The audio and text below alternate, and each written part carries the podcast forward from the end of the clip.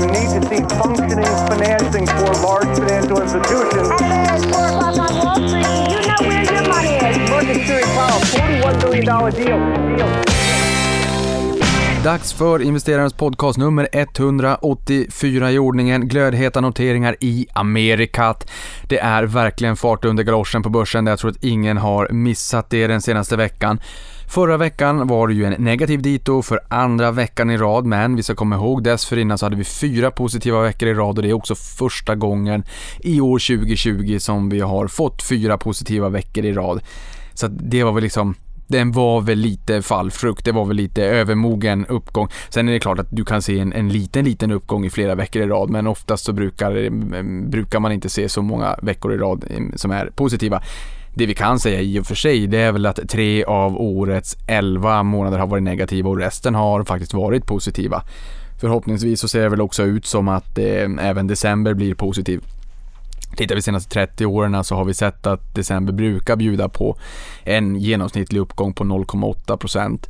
Tittar vi de senaste 10 åren så ser vi snarare att vi balanserar på nollstrecket med en viss liten dragning neråt. Men aktier är ju en vintersport och oktober till februari brukar vara relativt solsäkert faktiskt. Ehm, någonting annat som har eh, hänt under veckan också, eller förra veckan, det är ju att Brentoljan har letat sig upp över 50 dollar fatet och det här är ju ändå en märkeshändelse för det är första gången sen i mars och vi har haft ett överutbud på olja och det är klart att efterfrågan har ju inte heller varit speciellt het när vi har suttit hemma.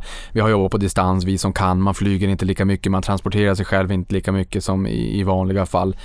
Nu har vi ju sett eh, vaccinationerna komma igång, första i Storbritannien, Nordirland här nyligen, även första i USA, där sa ju Vita huset att eh, chefen för FDA kunde lämna in sin avskedsansökan om, in, om man inte godkände det här under helgen. Det är kanske inte rätt sätt att approchera det här. Vi hoppas ju på att man godkänner det för att det är säkert, inte för att man, eh, man blir hotad av Vita huset. Men just nu eh, så har vi väl förstått att det inte har funnits några allvarliga bieffekter av de här coronavaccinerna i alla fall. Så att nu, nu eh, känns det som att det finns någon, ett före och ett efter och allt det här tog väl sin start rejält den 9 november när Pfizer Biontech kom med nyheten om vaccinkandidaten. Sen har vi ju Moderna och AstraZeneca och AstraZeneca äger ju en corner i Moderna. Så det händer väldigt mycket just nu och marknaden har ju fått förnyad optimism. Man väntar på ett stimulanspaket från USA. Biden har blivit vald nu. Han eh, svärs in i januari. Den orosbiten är borta. Nu sitter alla och väntar på att vi äntligen kan få vaccinera eh, det är klart att det här kommer ta tid. Men marknaden är framåtblickande. Nu ser vi att vaccinationerna drar igång. Det innebär också att marknaden lyckas hoppas eh, blicka bort bortom, eh, bortom den värsta perioden helt enkelt och det innebär också i min mening att man kommer vara mer förlåtande för siffrorna vi får in här för fjärde kvartalet för de bolagen som påverkas negativt av den andra vågen. Där kommer man nog inte ta lika mycket hänsyn till dem nu när vi ser att att eh, vaccinationerna tar fart eh, rejält och helt enkelt. Sen börsintroduktioner är glödhett just nu, så hett att eh, en del bolag faktiskt drar öronen åt sig. Vilket faktiskt inte bara är av godo. En av de mest namnkunniga eh, börsintroduktionerna under veckan var Airbnb som steg 104% första dagen eller 263% om man räknar på lägsta pris i det initiala spannet på 44 dollar som man gick ut med när man påbörjade sin roadshow inte allt för lång tid innan börsintroduktionen. Och när jag säger roadshow så är det ju naturligt i dessa tider att de är digitala numera, vilket också gör att många bolag har insett att det går snabbare att ta sig till börsen. Men lägsta nivån initialt spann 44 dollar, då är det var en uppgång på 263 procent. Det är en extrem, extrem uppgång. Och det kan vara en blandning av att pengar är gratis, det är Eh, väldigt mycket riskvilja i marknaden, det är namnkunnig introduktion, det är spekulation, teckna sälj, ni känner till det. Man säljer andra techbolag eh, för att finansiera den här typen av kortsiktig spekulation. Jag säger inte att alla gör det, men jag tror att det är ganska många som gör det. Och det är ganska osunt kan jag tycka att se en sån enorm uppgång Ehm, en enda enskild dag. Jag menar, ska vi ta en uppgång på 263 procent, vi får backa ganska många år på, på breda Stockholmsbörsen för, för en sån uppgång. Ehm, och blickar vi bak till värdet i senaste fundingrundan för Airbnb i april så ser vi att värdet idag är fem gånger högre än då. Ehm, det är det är värt att i alla fall reflektera till kan jag tycka. Även DoorDash kom in 86% upp första dagen, värderas tre gånger högre jämfört med juni. C3.ai eh, upp 120% första dagen, en konkurrent till Salesforce som arbetar med CRM eller Client Relationship Management eh, och har nyss lagt bud på Slack också. Nu kommer då C3.ai in som fokuserar all in på Artificial Intelligence och blandar det liksom med, med CRM, vilket är spännande. Jag tror att man ska göra sin hemläxa där och åtminstone titta på bolaget. I Sverige, Thunderfall Group steg 84% första dagen baserat på teknisk kurs om 50 kronor. Det här är en gamingkoncern som har ganska mycket, inte bara gaming, som de har fått lite, mm, ja, som har skapat lite huvudbry eh, för de som har tittat på bolaget inför IPO. Det är alltså inte bara rent pure play på gaming. Jag hoppas få med Brian som är VDn i podden här. De sitter i Göteborg vi försöker hitta en tid så att, eh, så att ni kan få lära er lite mer om Thunderful Group. Sen har vi Fasadgruppen upp 27,5% första dagen och sist men inte minst Roblox som är gamingbolaget som amerikansk media har förklarat det som ett YouTube fast för spel. Det är ett antal miljoner eh, content creators skapar spel som man kan konsumera gratis där de får betalt för in-game purchases och där det är en rev share, en revenue share intäktsdelning mellan Roblox och de som skapar massor av spel som ungdomar spelar när de köper saker in-game purchases då. Eh, och de här eh, fokuserar på ungdomar 13 år och yngre. Eh, jag tror att det här är väldigt spännande att kika lite närmare på det här men det är såklart så att värderingarna idag är mycket, mycket högre än men ta innan finanskrisen. Vi hade Google eller numera Alphabet som betalade 1,65 miljarder dollar vill jag minnas att det var för YouTube. Jag har Facebook som betalade en miljard dollar för Instagram. Jag vågar inte ens tänka vad de hade varit värda ifall man hade gjort en IPO renodlat, avknoppat, särnoterat eller vad, hur man nu än vill göra det. Men om de här bolagen hade noterats idag, det är ett helt annat klimat. Å andra sidan så har vi också en helt annan techsektor idag som inte ens är i närheten av hur den såg ut under eh, finanskrisen. Jag har sagt det förut, jag kan säga kort igen, eh, iPhone firade eh, två veckor när finanskrisen drog igång 13 juli 2007, så det får man väl ha med sig. Och vi har fått en helt ny digital flora med nya techbolag som tar en stor del av vår plånbok och en stor del av vår tid. Så att det är de som jämför dagens techsektor med millennieskiftet, det är liksom, där tycker jag att det är snömos. Och de som jämför med finanskrisen, det, även där inser man att det är ganska, det är inte speciellt jämförbart faktiskt. Sen kan inte saker och ting gå upp till månen heller och jag menar tech är väldigt brett, det är bredare än akronymen FANG.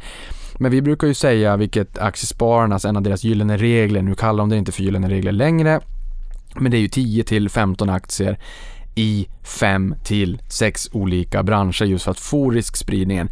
Och jag kan ändå tycka att nu för tiden så kan det vara ganska vettigt att fundera lite mera på den här sista.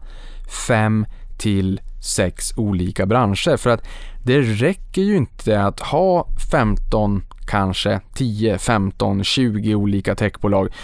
För då har du ju en väldigt, väldigt hög techkoncentration också. Vi har ju sett att det har eh, blossat upp till sektorrotationer. Vi såg det 2018 när man gick från tech till hälsovård. Vi såg det även nu 9 november när det var ett, en rejäl rotation från tech och relativa pandemivinnare till, till rejäla, rejäla pandemiförlorare. De aktierna som har pulveriserats. Så att eh, jag kan ändå tycka att det är värt att fundera kring hur ser min riskspridning ut i portföljen, inte mätt i antal bolag, utan mätt i hur fördelningen ser ut sektormässigt. För eh, det är en glödhet marknad. Den är så pass glödhet och namnkunniga noteringar rusar så pass till den milda grad att Wall Street Journal skriver att den här marknaden är en av de hetaste någonsin. Både i termer av volym och kursutveckling. Hittills har 155 miljarder dollar rests i år och hörni mina vänner, det är mer än under dotcom 99. Sen är det klart att pengar är eh, vi har ju ändå en inflation. Idag kan man ju fundera kring det, men den finns ju ändå där. Så att man kan ju inte heller, det är klart att det är ju rimligt att vi reser mer pengar i nominella termer idag 20 år senare än vad man gjorde då. Men jag tycker ändå att det är en spännande reflektion att det är i termer av volym och transaktioner så är det en av de hetaste marknaderna någonsin. Det är en liten tid sedan jag körde de här avsnitten själv. Jag försöker hålla dem kanske 20 minuter en gång i veckan. Jag har tusen ursäkter till varför jag är ganska dålig på att få ut de här löpande. Jag är en tidsoptimist av rang. Nu har jag också fått en ny roll. Jag har fått rollen som Avanzas sparekonom. Jag och Johanna har jobbat väldigt tajt ihop tidigare. Nu har Johanna blivit hållbarhetsansvarig på Avanza. Det är glad, eller det, jag är väldigt glad att vi får behålla henne. Jag har axlat rollen som sparekonom, vilket innebär att den tiden som var en bristvara tidigare blir ännu mer av en bristvara. Men jag ska bli brutalt strukturerad. Det är definitivt mitt största löfte inför 2021, förutom att komma i form. Ehm, för att det är jobbigt att sitta i en morgonsoffa om man ser ut som en säck potatis, tycker jag i alla fall. Så att just det här med struktur, försöka få ut den här måndagar, vilket alltid har varit ambitionen. Vi får helt enkelt se om det blir så, men i och med att det är en liten, liten tid sedan just jag gjorde de här avsnitten så har jag samlat på mig lite spännande händelser, men några av dem är lite, lite äldre. Jag tycker ändå att de är så spännande så att jag vill eh, kommentera dem här i podden så att Ehm, stå ut med mig eh, även om det är så att vissa av de här grejerna som jag pratar om är lite, lite, lite gamla. En av de mest spännande under förra veckan som jag tror många tyckte var intressant, det är ju det faktum att Evolution kommer in i OMXS30, 30 mest omsatta aktierna på Stockholmsbörsen, 29 bolag till antalet. Atlas Copco har ju båda aktieslagen AB. Här gör man en omviktning den 4 januari. SSAB åker ut, Evolution åker in. Förra gången det var en väldigt namnkunnig aktie som kom in var 2016, 4 januari. Ni kommer ihåg den morgonen man vaknade upp till en kalldusch. Eh, det var en rejäl ursköljning i Kina, börsen var ner 4%. Det var inte alls en rolig start på, på året. 2016 vill jag minnas att första börsdagen också var 4 januari. Jag kommer ihåg det på näthinnan. Jag ser mig själv ur ett tredje perspektiv där när jag vaknar på morgonen och inser när man, det första man gör, eh, trött som man är, kollar man Asien hur det har gått under natten och nyhetssvepet och 50 000 notiser på mobilen och man inser att okej, okay, det här kommer bli en start, eh, en, en seg morgon. Det var ju inte Fingerprints fel, men det här förra gången då, 4 januari, Fingerprint kom in, MTG åkte ut. Det var också en namnkunnig aktie. Nu händer det igen, en väldigt namnkunnig aktie kommer in och eh, skapar en lite annan dynamik i indexet också. Det är ut med lite cykliskt och in med lite framåtlutat, lite mera morgondagens eh, bolag. Det är klart OMXS30 är värdeviktat, men likväl så kan man väl säga att jag brukar säga att OMXS30 är PRO-ligan och det är bolagen från 1850, industrialiseringen 1900. Nu får vi in lite yngre också, vi, vi ändrar om sammansättningen eh, lite grann. Eh, en annan intressant nyhet var ju budet på Recipharm. EQT budar 220 kronor per aktie. Möjligtvis så att Recipharm får uppdraget att eh, hjälpa till att producera coronavaccin. Vi har ju haft en fondlansering, Avanza småbolag by Skoglund som varit förmodligen, mig veterligen, den bästa fondlanseringen någonsin i Sverige. Tog in nästan en halv miljard första dygnet, första två inskickarna. Eh, där hade vi eh, Recifarm som fjärde största innehav och som då kort senare fick bud på sig. Det ska bli fortsatt intressant att följa Fredrik Skoglund med den fonden då helt enkelt. Sen har vi som sagt första personen i USA är vaccinerad mot coronaviruset även i Storbritannien. Ehm, annars har vi Bygg Hemma eller BHG Group som förvärvar Nordic Nest för 1,6 miljarder. Största förvärvet någonsin. Det är rätt mycket förvärv, det är en hög ma aktivitet där ute. Pengar är billiga, nu börjar man se ljuset i tunneln. Ehm, vi har också vissa konkurrenter som har det lite jobbigare, som kanske har sett värderingen falla rejält i år, som inte har hängt med i uppgången. Det är en, en fin grogrund för lite konsolidering i många olika branscher helt enkelt. Imorgon när, det här, när den här podden redan är släppt, imorgon torsdag, så kommer eh, Avanza Swiper. Det är någon form av motsvarande Tinder-lösning där man kan swipa aktier helt enkelt. Du får upp en, eh, och det här har vi jobbat på länge ska sägas. Alltså, vi började nog att elda upp oss kring den här idén för ett och ett halvt år sedan. att minska avståndet, distansen mellan aktierna som finns där ute och investerarna. För när man blir kund hos oss och man kanske inte vaknar upp på morgonen och känner att sparande investeringar är Guds gåva till mänskligheten och säger okej, okay, nu är jag kund. Nu då? Om du inte vet vad du ska söka på, jag tror inte jättemånga människor vet att Willys ägs av Axfood eller att Victoria's Secret ägs av L-Brands eller vad det kan tänkas vara det vet vi som kanske är lite extra nyfikna, som tar en sekund extra och googlar på olika varumärken och ser vem äger, är det börsnoterat och sådär. Du som lyssnar på det här kanske känner igen dig, men vi är en minoritet. Så att här kommer man kunna swipa aktier. Swipar du vänster så gillar du den inte. Swipar du höger så blir det en bevakningslista och en superlike, då kommer du in i köpprompten så att du kan köpa aktien om du vill. Förra sommaren fick vi data från Millestream på våra 10 000, nästan 10 000 värdepapper som vi har på sajten, aktier på alla våra eh, digitaliserade marknader. Så nu kommer du få upp ett kort du kommer få upp bolaget, du kommer få en liten graf i ett nästa skede i alla fall. En två, tre meningar om vad bolaget gör, hur aktien har utvecklats year to date. Eh, några väl valda nyckeltal och multiplar så att du får en riktigt god känsla, en möjligtvis kärlek vid första ögonkastet och så swipar du höger om du vill lägga den i en bevakningslista och jag tycker att det här är så fruktansvärt roligt sätt att approchera marknaden.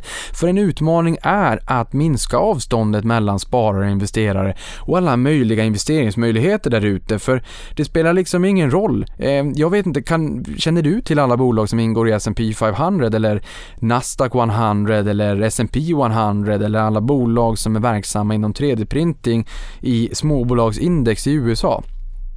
Nej, förmodligen inte.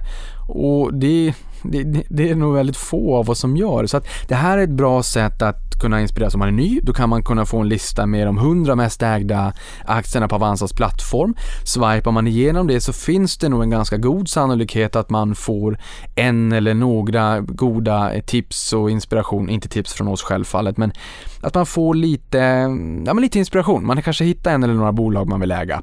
Är du mer initierad, ja men kan du vara intresserad av eh, exempelvis eh, cybersecurity? Idag har jag petat in en massa bolag, jag tror att det är ett 40-tal olika cybersecurity-bolag. Jag kan garantera att du inte känner till alla dem. Gör du det så, eh, ja då är det i sådana fall grattis, då har du gjort din hemläxa. Eh, jag tror man känner till de allra flesta kanske. Det är Nocta och det är Splunk men det är Crowdstrike och det är C-Scaler och det är eh, Sectra i Sverige. Men det finns jätte jätte, jättemånga aktier där ute som man kanske inte känner till. Så att in, swipa och när du har swipat klart då kan du kategorin, då står det också 100% klart, nu har du swipat igenom den här kategorin. Då kan du gå vidare på nästa. Då kanske du tar de mest köpta eh, på Avanzas plattform i år eller mest sålda eller personalens favoriter eller Dividend Kings eller Dividend Aristocrats eller vad det än kan tänkas vara. Nu ska jag sluta prata om det här, jag eldar bara upp mig. Jag tycker att det är ett så jädrans roligt sätt att approchera eh, och det här ska också sägas att vi hade ingen tid att utveckla det här. Alltså att det är lite Avanza-style. Man har fulkodat det här på eh, på kvällar, vid sidan av jobbet etc. för att kunna trycka ut det här och det är lite så vi historiskt har jobbat väldigt mycket. Eh, kollegor som precis som du som lyssnar på det här, är väldigt intresserade, känner att så här, det här vill jag också ha och då ser man till att det blir en verklighet. Så det här är verkligen en, exakt en sån produkt som vi känner att vi vill ha det här, vi vet att ni vill ha det här, för det är ett jätteroligt sätt att approchera. Man sitter på tunnelbanan, inte i dessa tider då, eller buss, eh, från A till B, man har 10 minuter på sig, man swipar tre stycken eh, småbolag i USA inom 3D-printing och sen så har man lite bättre koll än innan. Jag älskar det. Sen har vi eh, Matgeek, eh, Youtubern Matgeek, Johan Hedberg som är väldigt, väldigt intresserad av aktier. Han har sin infronterminal där han ville jobba i branschen tidigare. Han har varit med i Uppesittarkväll. Eh, jag gästade honom, Matgeek och hans YouTube-kanal och har bakat vörtbröd och prinsesstårta och Wallenbergare. Självfallet kopplingen till, eh, till Wallenbergarna såklart. Och sen oxfilé med eh, hasselbackspotatis och grönpepparsås. Vi lagar mat, vi pratar sparande, investeringar. Är det så att du inte orkar höra mig babbla jättemycket så är det verkligen ingenting för dig för det blev lite långt. Eh, ibland kan jag få lite dåligt samvete för det. Jag gillar att prata, jag försöker kondensera men vi hade så jäkla gott snack.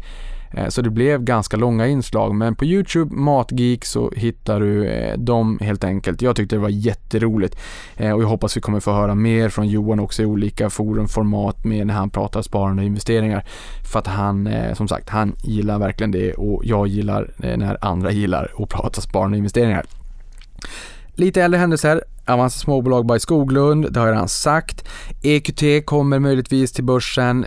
De, eller EQT är redan på börsen. De fick in 40 000 ägare, 30 000 av dem kom från Avanza, vi stod för 75% av.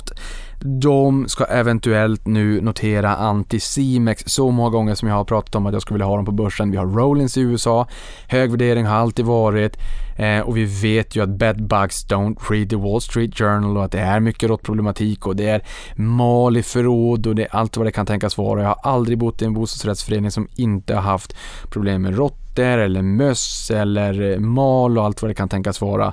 Eh, och det här kommer ju bara öka framgent. Jag menar, vi har en megatrend med att fler människor flyttar in till storstäder. Det är mycket mat som slängs och skräpas och, och, och det här är en trend som ligger helt rätt i linje med den här typen av bolag. I Sverige har vi Anticimex och Nomor. Inget av dem är noterat. Så jättespännande att se om de skulle kunna komma till börsen. Dow Jones har passerat 30 000, eh, indexnivån 30 000 för första gången någonsin. Peru har lanserat en statsobligation med en löptid på 101 år till en ränta på 3,25%. Lägsta räntan någonsin på det man kallar för EM-debt eller um, statsobligationer, skuldpapper i tillväxtmarknader. Ehm, jag har skatten på ISK oförändrad till nästa år. Det är 0,375% eller 375 kronor i skatt per 100 000 kontovärde. Tesla väljs in i S&P 500 är från och med måndag den 21 december. Tittar man på Tesla så är de upp en vadå 600% i år, de är upp 1300% på fem år, de är upp 13 000% på eh, tio år. Det har ju varit en fenomenal framgångssaga. Det man filosofiskt kan fundera lite grann kring det är att okej, okay, när man väljs in i ett prestigeindex så som S&P 500 är, de 500 största börsbolagen i USA, jag, det här är inte ledande på något sätt, men jag tycker att en intressant fundering är lite grann, har den största resan varit? Här kan nog många tycka att nej men absolut inte, de har inte ens börjat. Jag har full respekt för det och det här är inte bara för Teslas skull utan det här var bara en tanke som slog mig som jag vill plantera. Det är att när man är så pass stor att man ingår i ett index, ett prestigeindex som S&P 500, det är jätteroligt, det är jättemycket indexkapital där ute. Det blir en skjuts av bara farten för att man befinner sig i ett visst index. Det är jätteviktigt vilka index man befinner sig i. Knasigt för vi som investerar långsiktigt. Vi ska bry oss om det fundamentala. Det är stigande vinst över tid som ser till att eh, bolagets aktie och totalavkastning ökar över tid. Och det är klart, för att vinsten ska öka så måste ju omsättningen öka för annars är det bara som att spjäka sig själv och inte, eh, inte äta så att man går ner jättemycket i vikt. Till slut så går det inte längre, då måste man börja äta igen. Så att omsättningsökning, omsättningstillväxt är ju superviktigt och eh, vinst bottom line på sista raden, att det blir pengar över. Stigande vinst över tid ser också till att aktiekursen stiger och det gör också att har man utdelning så ökar ju utdelningen, för det är ju en andel av vinsten. Då ökar totalavkastningen. Det är det viktigaste. Men den här, det är ju en jätte jättestor värdestegring, ett värdeskapande som sker fram till att man är ett av de 500 största börsbolagen i USA. Och det är en enorm uppgång i procentuella termer för många bolag som har gjort den resan. Och då kan man ju fundera på, är det innan man kommer in i det här indexet eller efter som man vill vara ägare? Man kan vara ägare i båda faserna av det här bolagets livscykel. Men för de som säger att man bara ska investera i indexfonder och vara happy, luta sig tillbaka, att man aldrig kan slå börsen. Där är det värt att fundera kring alla de bolagen som ingår i S&P 500. Vad hade man fått för avkastning om man hade varit med från i början, är det kanske svårt, men eh, under en, en bra tid innan de kom in i indexet eh, kan jag tycka. Sen har vi ytterligare en händelse som är också lite fallfrukt numera men det är ju det faktum att jag har blivit sparekonom då som, som sagt det blev jag den 20 november vilket är jätteroligt kan man fundera på vad det kommer vara för skillnad. Jag kommer fortsätta vilja göra det jag har gjort tidigare som finansiell hustomte. Eh, men jag får ju också den mediala eh, debatten, den mediala eh, närvaron i större utsträckning. Så det är klart, media kommer ju ringa mig mer. Min Nuna kommer att synas medialt mycket mer. Det kommer bli mycket viktigare för mig att, att träna så att man ser smärt och inte, inte ser ut som den här säcken potatis. Men med det sagt, det är klart, Ehm, jag kommer försöka tycka till när jag har intressanta saker att tycka till om. Men eh, medienärvaron kommer att bli eh, mycket större, mycket, mycket bredare. Och jag älskar ju att prata så det här ser jag ju verkligen eh, fram emot helt enkelt. Så det ska bli superkul. Det är redan superkul. Igår var första gången som Bloomberg hörde av sig kan man tycka kanske inte en big deal. Jag tycker det, jag är ju aktienörd, jag tycker det är jätteroligt. Jag tycker det är väldigt kul också när när Bloomberg hör av sig för att Bloomberg har ju en speciell särställning. Det var några kommentarer kring hur avancianerna har ehm, eh, agerat på beskedet om att FBI eh, i USA utreder SEB, Swedbank och Danske Bank som man sedermera sen kommenterade, inte minst från Swedbanks håll, att det här är gammal information. Men likväl, jag tycker det är kul ändå att man, eh, att man var med på en Bloomberg-artikel. Det är förmodligen det är inte världens grej, det är inte speciellt, eh, det är inte speciellt hög wow-faktor överhuvudtaget förmodligen. Men jag tycker att det är kul. Nu hörni, är det dags för ett nyhetssvep. Och då kan vi säga att kontraktstillverkaren Recipharm klättrade 22% efter bud från EQT då som jag sa här tidigare på 220 kronor kontant per aktie. Kontant per aktie kan man också kommentera för i tiden när börsen är väldigt het så brukar man använda aktier som valuta. Det kan vara värt att fundera kring det också. Det här är kontant, kontant cash is king. Eh, om det är så att man betalar med aktier eller kontant så tror jag att man alltid värderar kontant lite, lite, lite, lite högre. Det här är en budpremie, eller var då om 24% och eh, fjärde största innehav i Avanza småbolag by Skoglund, vilket var kul. Är man intresserad av att lyssna mer kring Fredrik Skoglund så har jag gjort en del ehm, eh, intervjuer i Avanza Play så att man kan in på vår YouTube-kanal och, och kika lite grann där också. Han var även med i Avanza-podden. Sen har vi Baidu som är Kinas motsvarighet till Google och var det första kinesiska bolaget någonsin att inkluderas i amerikanska indexet Nasdaq 100. Nu överväger de att börja producera elbilar. Vi har sett en, en jättetrend mot att våra sparare springer in i Nio, Liauto, Xpeng med flera. Eh, ingen vill missa nästa Tesla. Nu kan man väl säga att eh, Nio var upp senast jag kollade 1100% i år och 2500% senaste året. Det är ju enorma uppgångar och eh, det enda medskicket jag har där är väl att man ska vara lite försiktig och vill man eh, investera i någonting och köpa in sig i en trend eller i ett bolag som stiger väldigt kraftigt varför inte ta det liksom i bits and pieces och skala upp sin position eh, istället för att springa all in. Då kanske du tänker så här, men herregud, det skulle jag ju aldrig göra. Men, men tillräckligt många människor gör det. Sen har vi Spotify on fire. Efter en uppgång på 114% year to date så har börsvärdet passerat 500 miljarder kronor och därmed skulle Spotify vara Sveriges största bolag om det var noterat här istället för på Nyse, New York Stock Exchange, skriver Dagel på DI det är klart man kan kommentera. AstraZeneca hade varit störst. Ja men så är det och de har ju Storbritannien som legalt säte. Eh, hade de varit här så hade de förmodligen då varit större än, eh, än Spotify. Men ändå, det är kul att svenska framgångssagor får eh, växa sig stora och starka även om det är tråkigt att det är i USA. Sen har vi Rutger Arnhult som inleder morgonen, eh, när jag skrev det här då, den här morgonen med att lägga budpliktsbud på fastighetsbolaget Corem. Budet låg på 18 kronor och 60 öre på A respektive B-aktie och 322 kronor per preferensaktie. Det var en negativ premie och det indikerar med all tydlighet att man inte var speciellt intresserad av att eh, köpa ut bolaget utan helt enkelt bara lade det utpliktsbud som man var tvungen att göra. Sen såg jag i App Store att Zoom till synes är årets app. På Nasdaq 100 kommer den på en tredje plats med sina 480% year to date. På andra plats, vilket är såklart intressant när jag ser att Zoom är på tredje plats, hittar vi Tesla med 661% och guld tas av Moderna som med sina, eh, sitt coronavaccin har bidragit till årets julklapp. Aktien är upp 696% year to date. AstraZeneca har en corner i Moderna. Moderna. Förra veckan stod vi för 35% av avsluten i Norwegian Air Shuttle via Avanza och 20% på hela Oslo Börs. Och det här utan att vi ens har satt våran fot i Norge. Eh, och på hemmaplan i Sverige så har våran ökning på Stockholmsbörsen varit större än alla konkurrenter tillsammans. Vilket innebär att det är full fart framåt, den ökningen mätt i antal avslut på Stockholmsbörsen hos Avanza 2020 större än alla konkurrenter tillsammans i Sverige och vi kan eh, liksom segla upp och bli en, en enorm aktör på Oslo Börs uppenbarligen också utan att vi ens har satt våran fot där. Någonting annat som är intressant är Walt Disney som höll kapitalmarknadsdag i veckan som fick marknaden att dra på smilbanden.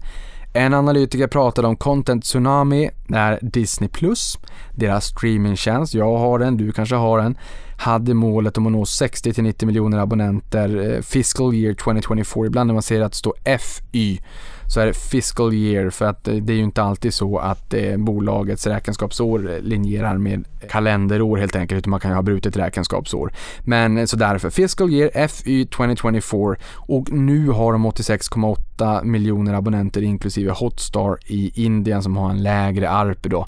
Average revenue per user helt enkelt, det är genomsnittlig intäkt per användare. Men guidance höjs till 230 till 260 miljoner subs eh, fiscal year 2024. Jag tycker inte att det är konstigt för fem öre. Jag tycker att det är konstigt att de, att de var så pass försiktiga i sin guidance från första början. Eh, och man kan tycka att ja, men det tog ju så och så länge för eh, Netflix att eh, bygga upp så många abonnenter. Det är helt ointressant. Eh, vi var inte mogna på samma sätt då Netflix har varit med och gjort marknaden mogen. Streaming är större än eh, vanliga traditionell linjär TV och eh, TV-abonnemang i USA redan idag. Ehm, streaming är det to go to, eller go to som man säger, det är det primära som de allra flesta har idag. Så att är det så att man lanserar någonting nytt idag så är det klart att det blir stort väldigt snabbt för att eh, marknaden har mognat rejält. Sen har vi MTG som har köpt brittiska Hutch som utvecklar racingspel för mobil för initialt 275 miljoner dollar och en tilläggsköpeskilling som förväntas bli 100 miljoner dollar. Eh, och det här köpet av Hutch kan leda till en uppvärdering av hela MTGs eh, gaming-vertikal, tror Nordea. Aktien var en av då onsdagens vinnare med ett lyft på 10% skriver Dagens Industri. Sen har vi fastighetsbolaget SBB, samhällsbyggnadsbolaget i Norden, som drog, drog sig ur budstriden om Entra, norska fastighetsbolaget Entra, eh, efter att norska bolagets styrelse värderat upp fastighetsbeståndet. Jag tror att det var med 8%. Vi har sett Castellum varit nyfikna på det här. Vi har sett Balder också eh, köpa på sig. Jag tror att det var 5% så att det blev en, en strid här lite grann på fastighetsmarknaden. Och det här visar ju också att det är en ganska het temperatur på fastighetsmarknaden. Ehm, får man väl säga. Så att eh, Ilja Batljan, han var besviken och menar att processen inte var rättvis. Nu fick jag en pushnotis, jag tror att det var idag, som menar på att han överväger ett nytt bud. Han är alltså fortsatt intresserad, nyfiken på norska Entra. Sen har vi bostadsförmedlartjänsten Hemnet som planerar en börsnotering under 2021 och eh, värderingen indikativt sägs vara omkring 6 miljarder. Sen har vi Salesforce, jag har varit in på det här i podden kom in på Dow Jones eh, här eh, nyligen i somras. Ut åkte Exxon. Exxon, oljebolag, olja är no-go zone. Nästan ingen vill investera i olja, man ska vara försiktig. De gjorde den största nedskrivningen någonsin här för någon vecka sedan. Det var motsvarande till ett SCB. Eh, det är riktigt mycket stranded assets i den sektorn. Man ska vara rejält försiktig. De vill köpa Slack och aktien där steg 39% under veckan. Slacks aktie alltså. Budet värderar bolaget till 17 miljarder dollar och skulle vara det största förvärvet som Salesforce någonsin har gjort. Och då kan man fundera, jag har hört någon säga att ja men herregud, hur kan, eh, hur kan de göra den här affären? Microsoft Teams har ju gått om. Eh, många använder ju Microsoft Teams istället och då känner jag så här, okej, okay, fast skulle Salesforce köpa Microsoft Teams av Microsoft? Den affären finns ju inte ens på marknaden. Så vad är sättet att ta upp konkurrensen? Det kan vara att köpa Slack.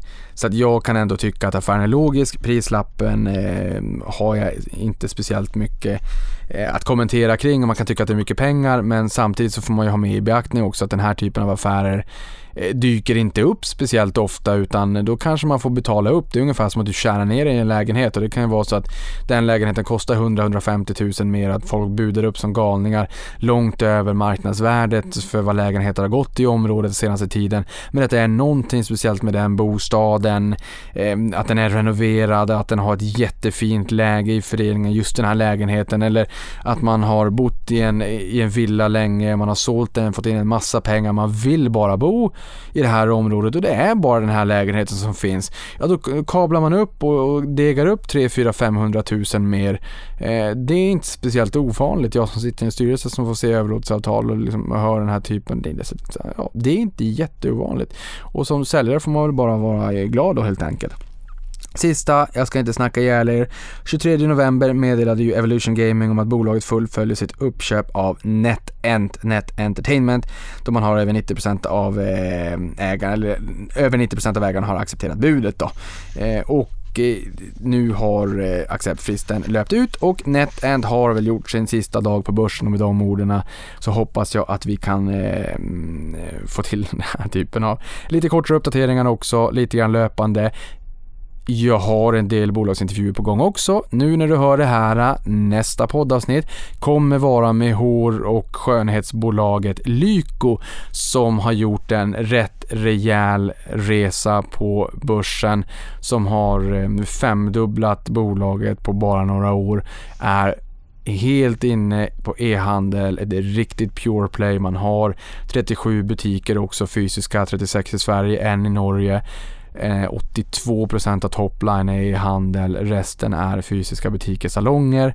Ehm, intressant att lyssna till det här bolaget, till vad de gör för någonting, framgångssagan och hur de ska kapitalisera på den fortsatta trenden mot e-handel. Den kommer förmodligen ut eh, imorgon. Så jag säger tack för att du lyssnar på det här och vi hörs snart igen.